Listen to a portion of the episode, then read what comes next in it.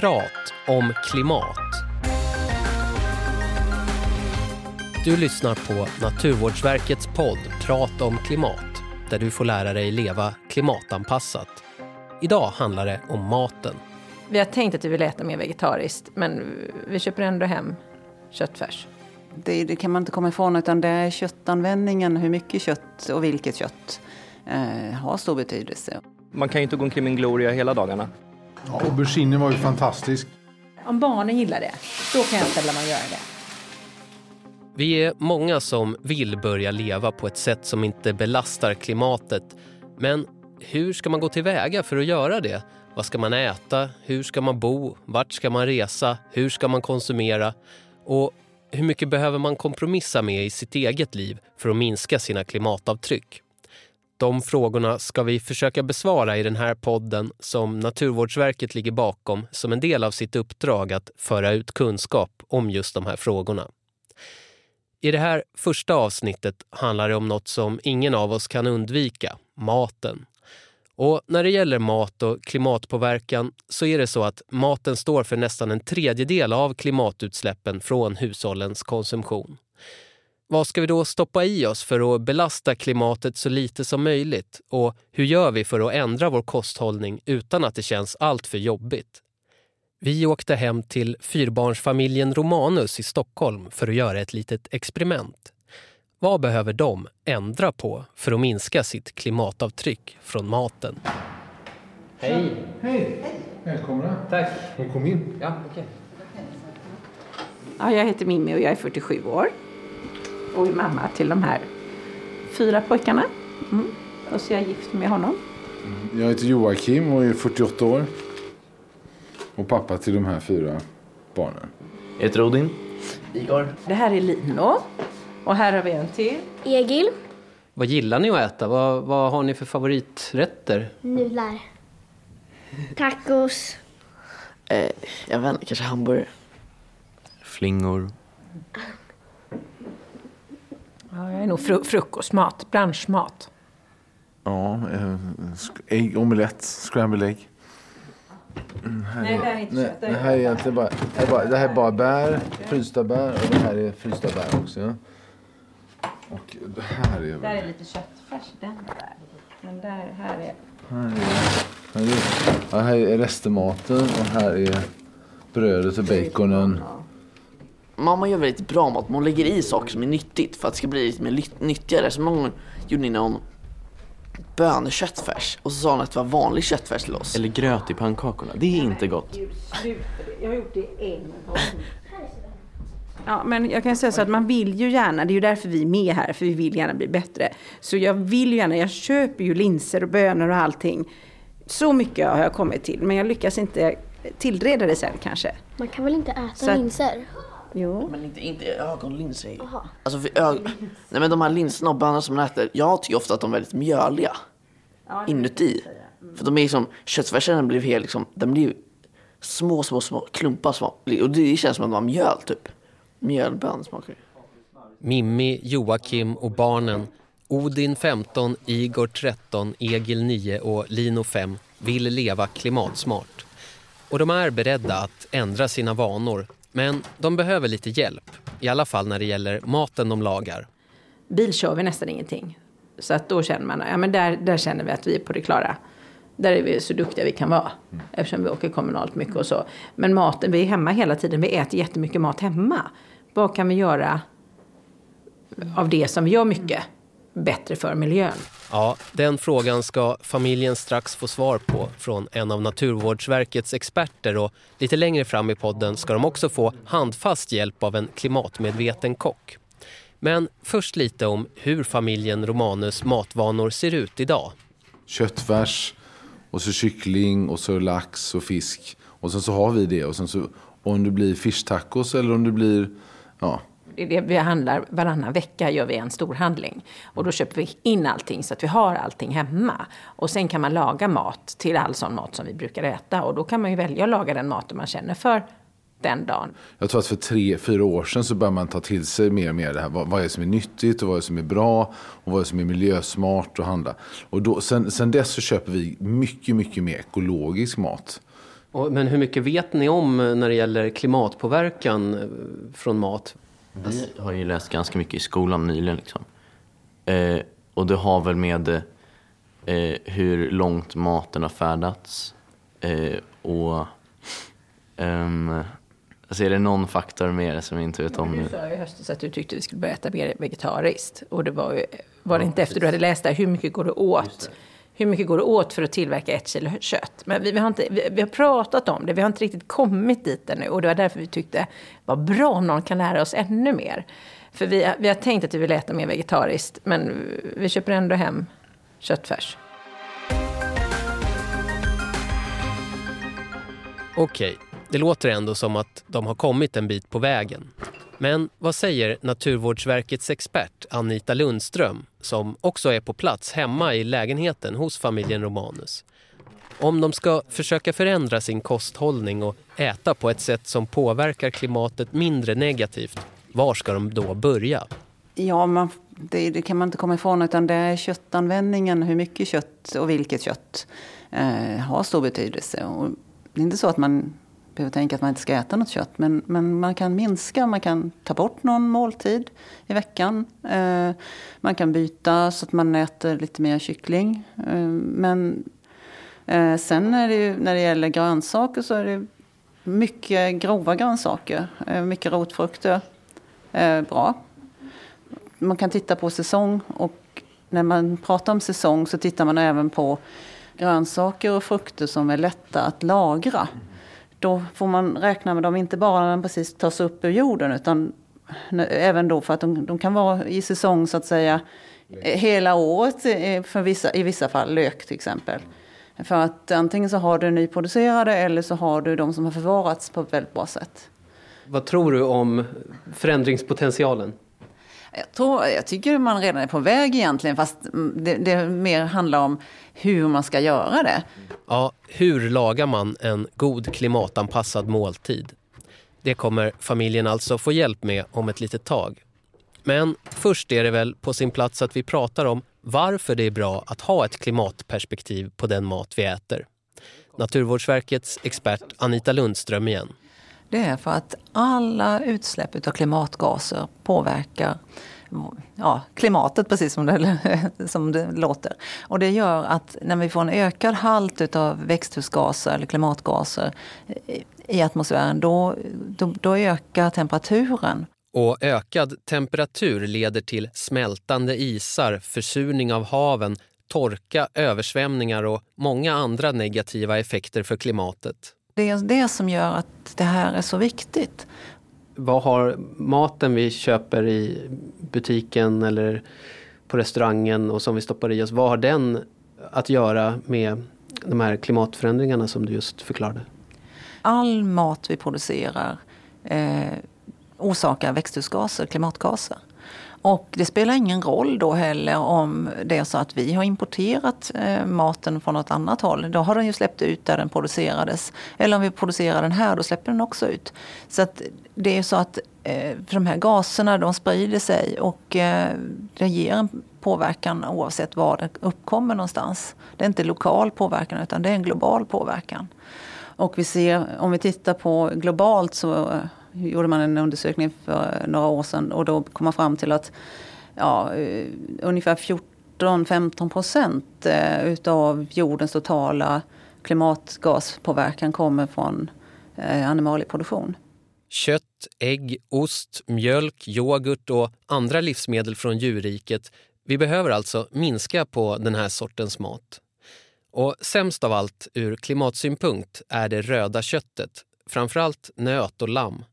Grisens klimatpåverkan är ungefär en fjärdedel av den från nöt och lamm medan kyckling och fisk är lite bättre ur klimathänseende. Men vad gäller fisken beror det i hög grad på vilken sort man köper. Fisken då, hur tänker ni när ni väljer den? Den är vi dåliga på. För att det går inte hem riktigt. Det är därför det blir fiskpinnar. Ja. Men ni tittar inte efter miljömärkt fisk mm. eller så? För det som är med den miljömärkta fisken är ju att det är två saker. Det är att eh, det kommer från hållbara bestånd. Mm. Eh, alltså de som inte är utrotningshotade.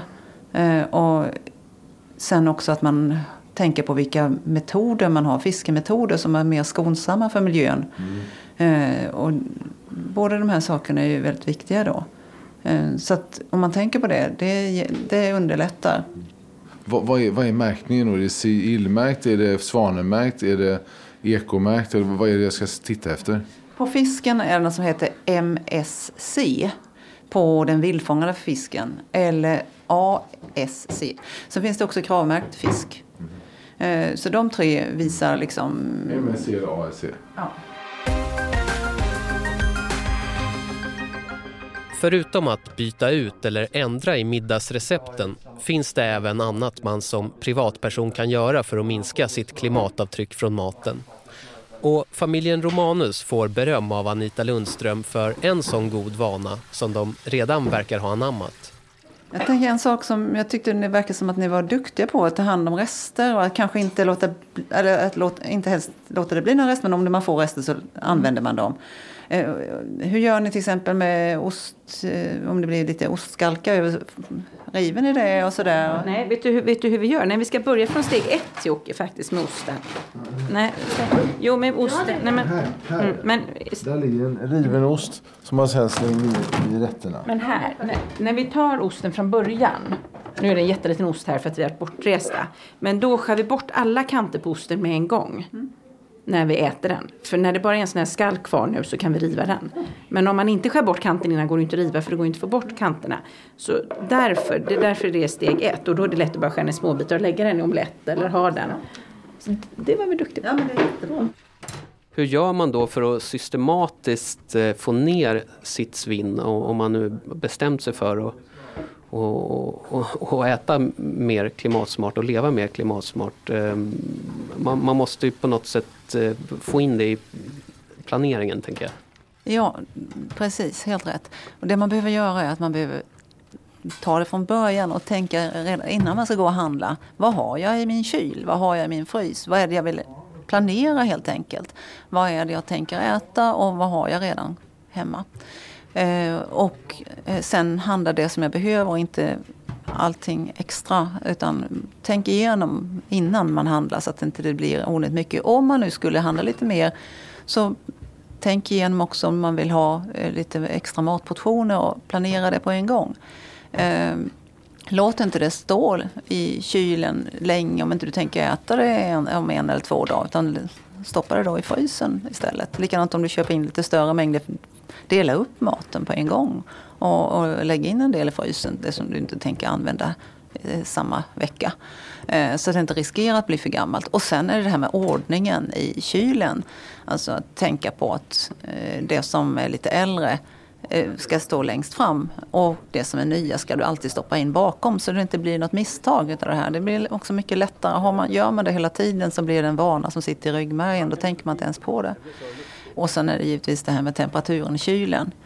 Det, man ska hålla runt 4 grader, 4-5 grader. Eh, för att då, var, då håller maten mycket längre. Många har för varmt i kylen. Många har för varmt i kylen. Och eh, då håller den inte alls lika bra. Det, ja, det händer väldigt mycket med, med bakterier och annat om man har för hög temperatur. Och sen är det en annan sak att man inte låter maten stå ute för länge. Utan man stoppar in den när man är så, så snart som möjligt. Och så, att, så att den håller sig fräsch och fin. Och så är det ju faktiskt så att många slänger mat för att de lägger upp mer än de orkar äta på tallriken. Det är såklart inte bra. Men du som lyssnar nu vill väl snarare veta vad du ska göra än vad du inte ska göra. Och vi kommer till det. Men först en liten avstämning. För efter att familjen berättat för oss om sina matvanor och fått några första tips på vägen så blev vi lite nyfikna att höra hur de första stapplande stegen på vägen mot de klimatsmarta matvanorna har gått.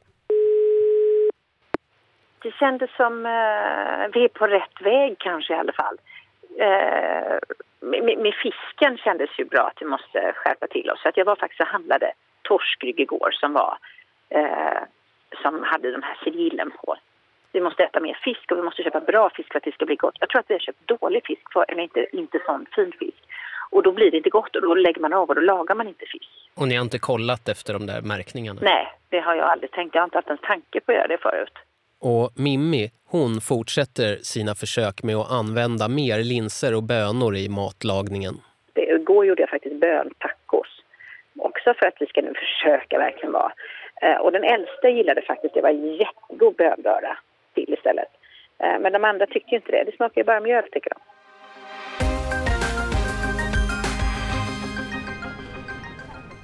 Både polentakroketterna och panerad aubergine tror jag liksom...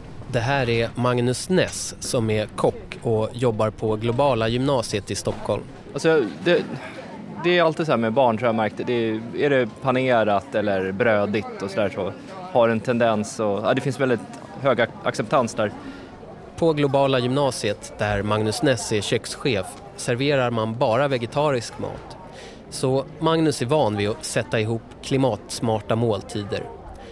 Nu har han fått uppdraget att tillreda en enkel, god och klimatanpassad familjemiddag åt Mimmi, Joakim och barnen. Mimmi möter upp vid ingången till mataffären. Hej, Mimmi ja. Vi kan ju se vad jag har hemma för att vi ska vara ekonomiska mm. utav de sakerna som vi behöver. Har du polenta hemma? Det är kanske Majsmjöl. så att jag har det faktiskt, ja. men det kan jag ju inte lova. Ja, vi köper den ändå då, eftersom vi inte kan ja. vara säkra. Ströbröd? Ströbröd har jag. Mm, Okej. Okay. Eh, kapris? Och så en av huvudingredienserna till den måltid som Magnus planerar att servera denna slaskiga och råa januari-måndag. Ekologisk aubergine. Klass 1 Spanien. Ja, men det är, det är spanskt alltihop. Vi, vi får väl kolla på den vanliga och jämföra. Mm. Men här är det ju då, eh, det är ju sydeuropeiska grönsaker. Ja. Både broccolin och dillen var också från Sydeuropa. Ja, det, är så det är just nu. är vi inne i typ den, den svåraste perioden med, med, med råvaror från Sverige, om det inte är växthus. Alltså, men, vad hade vi ätit förr i tiden i det här landet vid den här tiden? Det mesta i förråden har börjat bli dåligt och man liksom, ja, nu är inte jag någon expert på vad vi åt förr men, men såklart är det ju, vi är så otroligt beroende av importen.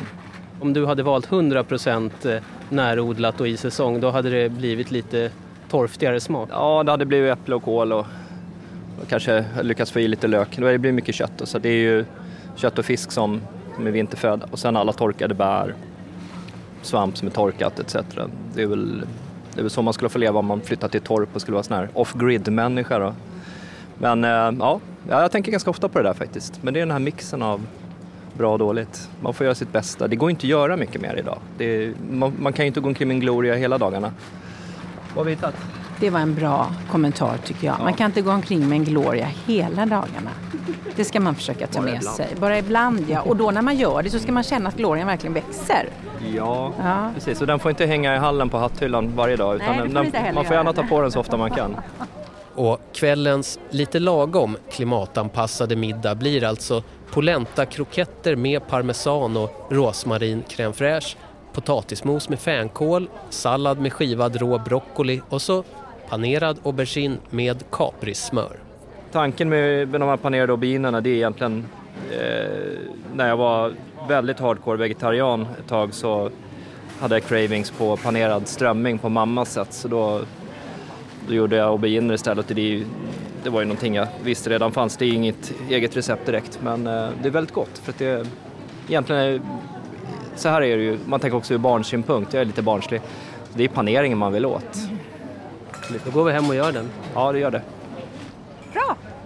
Men redan på vägen ut från butiken börjar vi diskutera menyn ur klimatsynpunkt.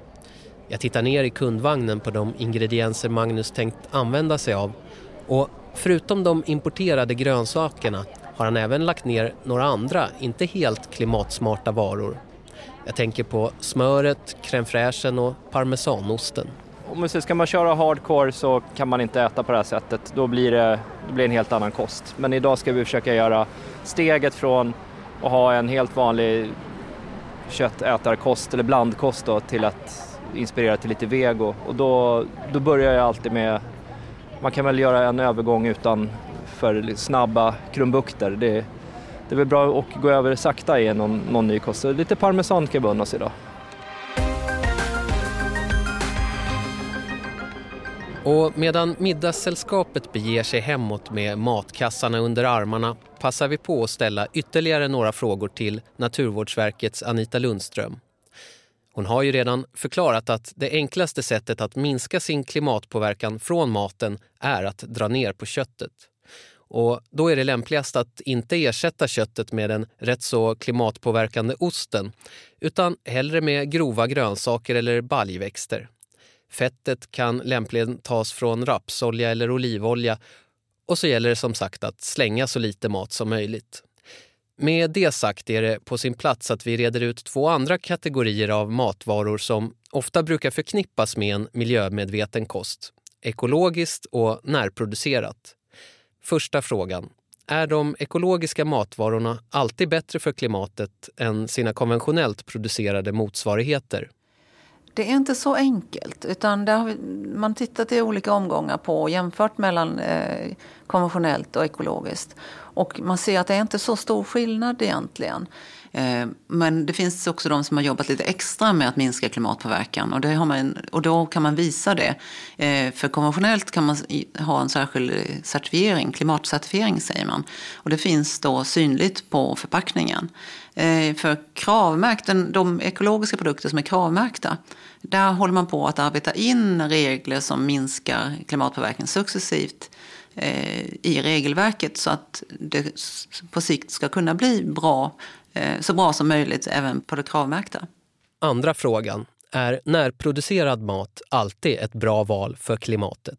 Det är också sånt som, eh, det är inte alldeles självklart hur det är. Det beror på vilken produkt det är helt enkelt.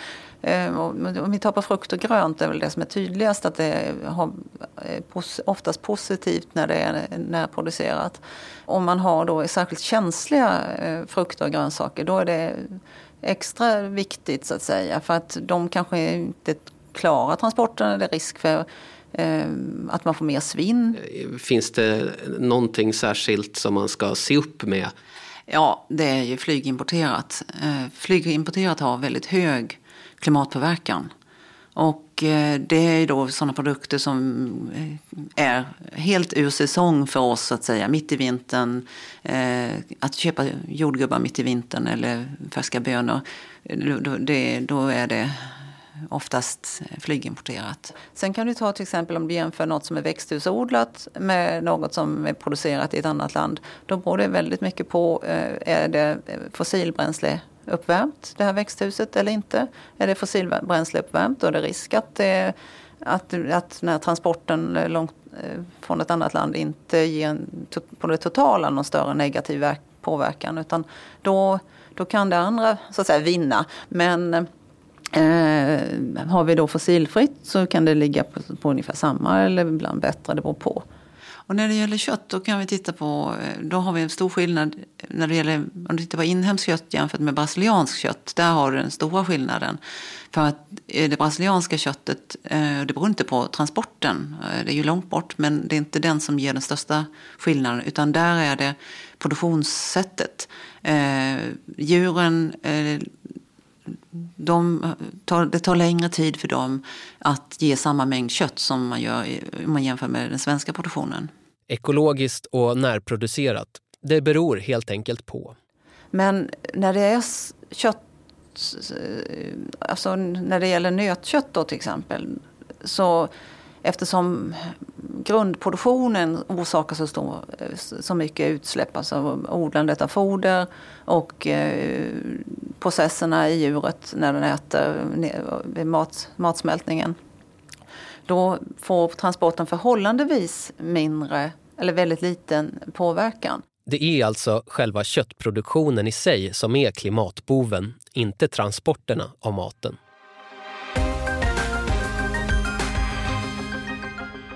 Men om man vill börja äta mer vegetariskt, vad händer då med näringsintaget? Hur får vi i oss tillräckligt med vitaminer och mineraler om vi skippar köttet? Och hur blir det med proteinerna? Ingen fara, säger Anita Lundström och ger några enkla tips. Ät varierat, ät lagom mycket. Ät mycket frukt och grönt. Grönsaker, grova grönsaker, jättebra. Eh, och om du behöver mer protein eh, så ät baljväxter. Eh, det är väldigt bra. Vegetarianerna som äter ägg och mjölk får i sig det mesta och där är det inte så stora problem egentligen. Det finns bra information eh, vi har, eh, Livsmedelsverket har på sin hemsida bra information om vad man ska tänka på och hur man kan agera på olika sätt. Finns det några negativa konsekvenser av en klimatsmart diet? Det som vi skulle få problem med är att hålla vårt landskap öppet. Vi behöver betande djur för att eh, gynna rikt växt och djurliv och eh, ett rikt odlingslandskap. Så det är klart att där skulle vi ha en, en negativ eh, påverkan. Som kan sägas att den, det som har hänt idag är ju att när vi har ökat vår köttkonsumtion har vi inte ökat det inom Sveriges gränser så att säga, utan vi köper kött utifrån. Och då eh, håller vi ju inte landskapet öppet. Så där har vi ett problem redan idag. Så det är inte, inte enbart om man äter eller inte äter utan där har det en betydelse varifrån man väljer att ta sitt kött helt enkelt. Svenskt eller importerat kött, det är inget som kocken Magnus Ness behöver bry sig om till den middag som han och Mimmi och Joakim och barnen just har börjat laga. Så om du, eh, vill du skiva auberginer?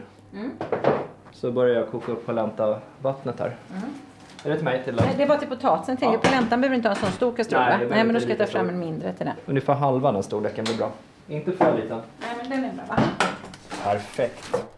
Ja, men vi ska göra polenta-kroketter med eh, parmesan och lite buljong i. Vi ska köra dem i ugnen. Först kokar vi eh, polenta som vi vispar. Eh, successivt kör vi ner parmesan mot slutet som vi har eh, rivt. Hej! Hej! Hej, hej! Joakim! Magnus? Sitter ni igång här nu va? Bara nyttigheter? Ja. Aubergine och... De ska först skivas i ungefär, vad kan det bli, lite över en halv centimeter skivor. Det är inte så viktigt exakt men vi ska salta dem först. Så får de gå lite i ugnen tillsammans här i början eh, och hinna svalna också innan vi panerar dem. Annars blir de, ingen gillar aubergine som är hård eller ofärdig. Så ska, den bli, ska den bli så färdig som möjligt så salta den och liksom se till att den är lite mjuk från ugnen först. Vi ska ändå ha igång ugnen så att vi gör så. Men sånt här är ju sånt som, om det, om det står att man ska göra sånt här i ett recept, då stryker jag det receptet. För det orkar inte jag. Ja. Det för, det, för det är en sån sak som jag tycker, åh vad mäckigt. Men det kanske inte är så mäckigt, det är bara för att man inte har gjort det någon gång. Det är bara en vanlig grej. Det, är oftast det det handlar med vegetariskt. Man tar inte bort någonting och man, man lägger liksom inte till någonting heller, man bara gör annat. Jocke hade ställt sig och gjort det en fredag eller lördag. Ja, det har jag gjort i helgen. Jocke, Jocke lagar... Man förbereda dem på dagen innan. Oh ja, så kan man göra. Jag tror att vegetariskt kebab bara lite mer annorlunda ja. planering. Precis som någon sa så här, men det tar tid att rensa köttet också. Det luktar ju väldigt gott om polentan och parmesanen. Jag vill också smaka. Ja, jag med. Lite mesig va? Behövs säkert lite salt och peppar.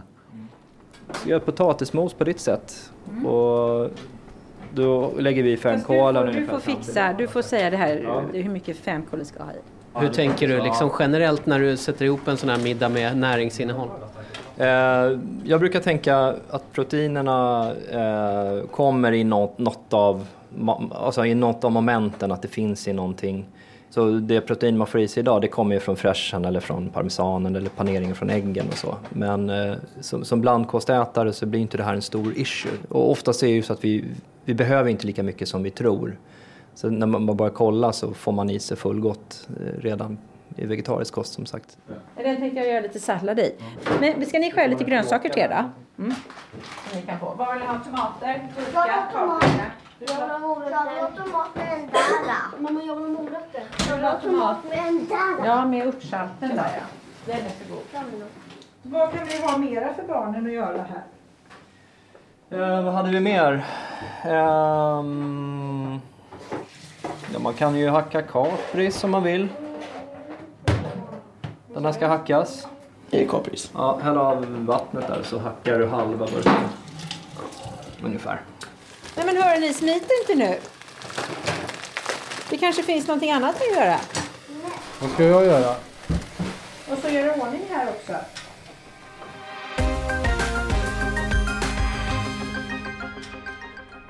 verkar vara full fart i köket. Ja, matlaget är i full gång när den inbjudna gästen, Anita Lundström, kommer på besök. Hon tar en titt på menyn som Magnus kladdat ner på ett litet kollegieblock och gör en snabb klimatanalys. Jag ser ju att det är en vegetarisk meny. Eh, och eh, det som jag tänker på är ju kanske då auberginen, var är den odlad någonstans? Men annars så tycker jag det är ju... Och att den salladen är en lite grövre sallad, det är ju bra. Eh, så att, och potatis, det vet vi att det är väldigt bra för klimatet eh, i förhållande till andra kolhydratkällor, så det är ju jättebra. Så jag tror att den här, den ligger den ligger bra till ur klimatsynpunkt. Som, som du sa, det går att göra den lite till kanske. Men det, det, är inte så att man behöver vara så, att det ska vara på minimum varje dag. och jag tycker den här är väldigt bra. När det gäller ost, även om den har högre belastning eh, än, än mjölkprodukterna i övrigt så, att säga, så beror det på hur mycket man använder också. Så att, genom att det kanske är mer som en smaksättare då behöver det inte bli så illa i slutresultatet. Vi steker rapsolja va? Ja, ganska, ganska rikligt så att det blir bra. Vi använder med ägg, ägg och ströbröd. Jag kunde använt mjöl också men jag vill inte använda för mycket mjöl i maten om jag kan slippa. Ska mer olja? Ta mera. Sådär, det blir bra. Medan Joakim steker auberginerna och polentakroketterna står och svalnar försöker vi få med oss några sista ord på vägen. Jag ber Anita om en sammanfattning. Vad behöver familjen Romanus lite kortfattat tänka på framöver för att få ner sin klimatpåverkan från maten? Ja, äta mer grönsaker och frukt. Gärna grova grönsaker. Och om man vill äta känsligare frukt och grönt då ska man tänka på vilken säsong, att man äter i rätt säsong. Sen gäller det att eh, minska köttet eh, så att du byter ut kanske någon eh, rätt mot vegetariskt eller bara minska mängden kött och kanske fyller på med lite baljväxter istället. Och eh, sen välja fisk efter, med tanke på hållbara bestånd. Och det enklaste sättet är att välja det som är miljömärkt. Sen gäller det att tänka på det här med svinnet och för att kunna minska matsvinnet i hushållen då gäller det att planera och ha rätt temperatur i kylen och sen använda sina rester. Tänker man lite mer hälsa, men även som är bra för miljön, det är att minska också på sötsakerna. För det, det har faktiskt ganska mycket klimatpåverkan och det är inte så bra för hälsan. Ska vi, ja, vem ska börja ta? Gästerna. Gästerna, precis. Så varsågod. Äntligen har det blivit dags att sätta sig till bords. Hur smakade då den klimatanpassade måndagsmaten som Magnus lagade med hjälp av familjen? Det var jättegott. Vilken del av uh, tallriken tyckte ni var godast? Jag tror att de här, mm, vad heter de, ostkakorna eller Polentapuckarna. polentapuckarna. Jag tycker dress, eller salladen och dressingen. Jag tycker den här såsen och den. Såsen och auberginen tyckte du ja. Ja, alla, alla tycker olika. Ja, jag tyckte nog allting ihop. Aubergine, ja, men jag skulle säga auberginen och, och kaprismöret var nog den mest spännande. Ja, auberginen var ju fantastisk. Det var jag som hade stekt den. Men eh, den var jättegod faktiskt. Och smöret till var fantastiskt gott. Hur smakar det Lino? Toppen! Kolla en tumme upp. Hörde du det Magnus?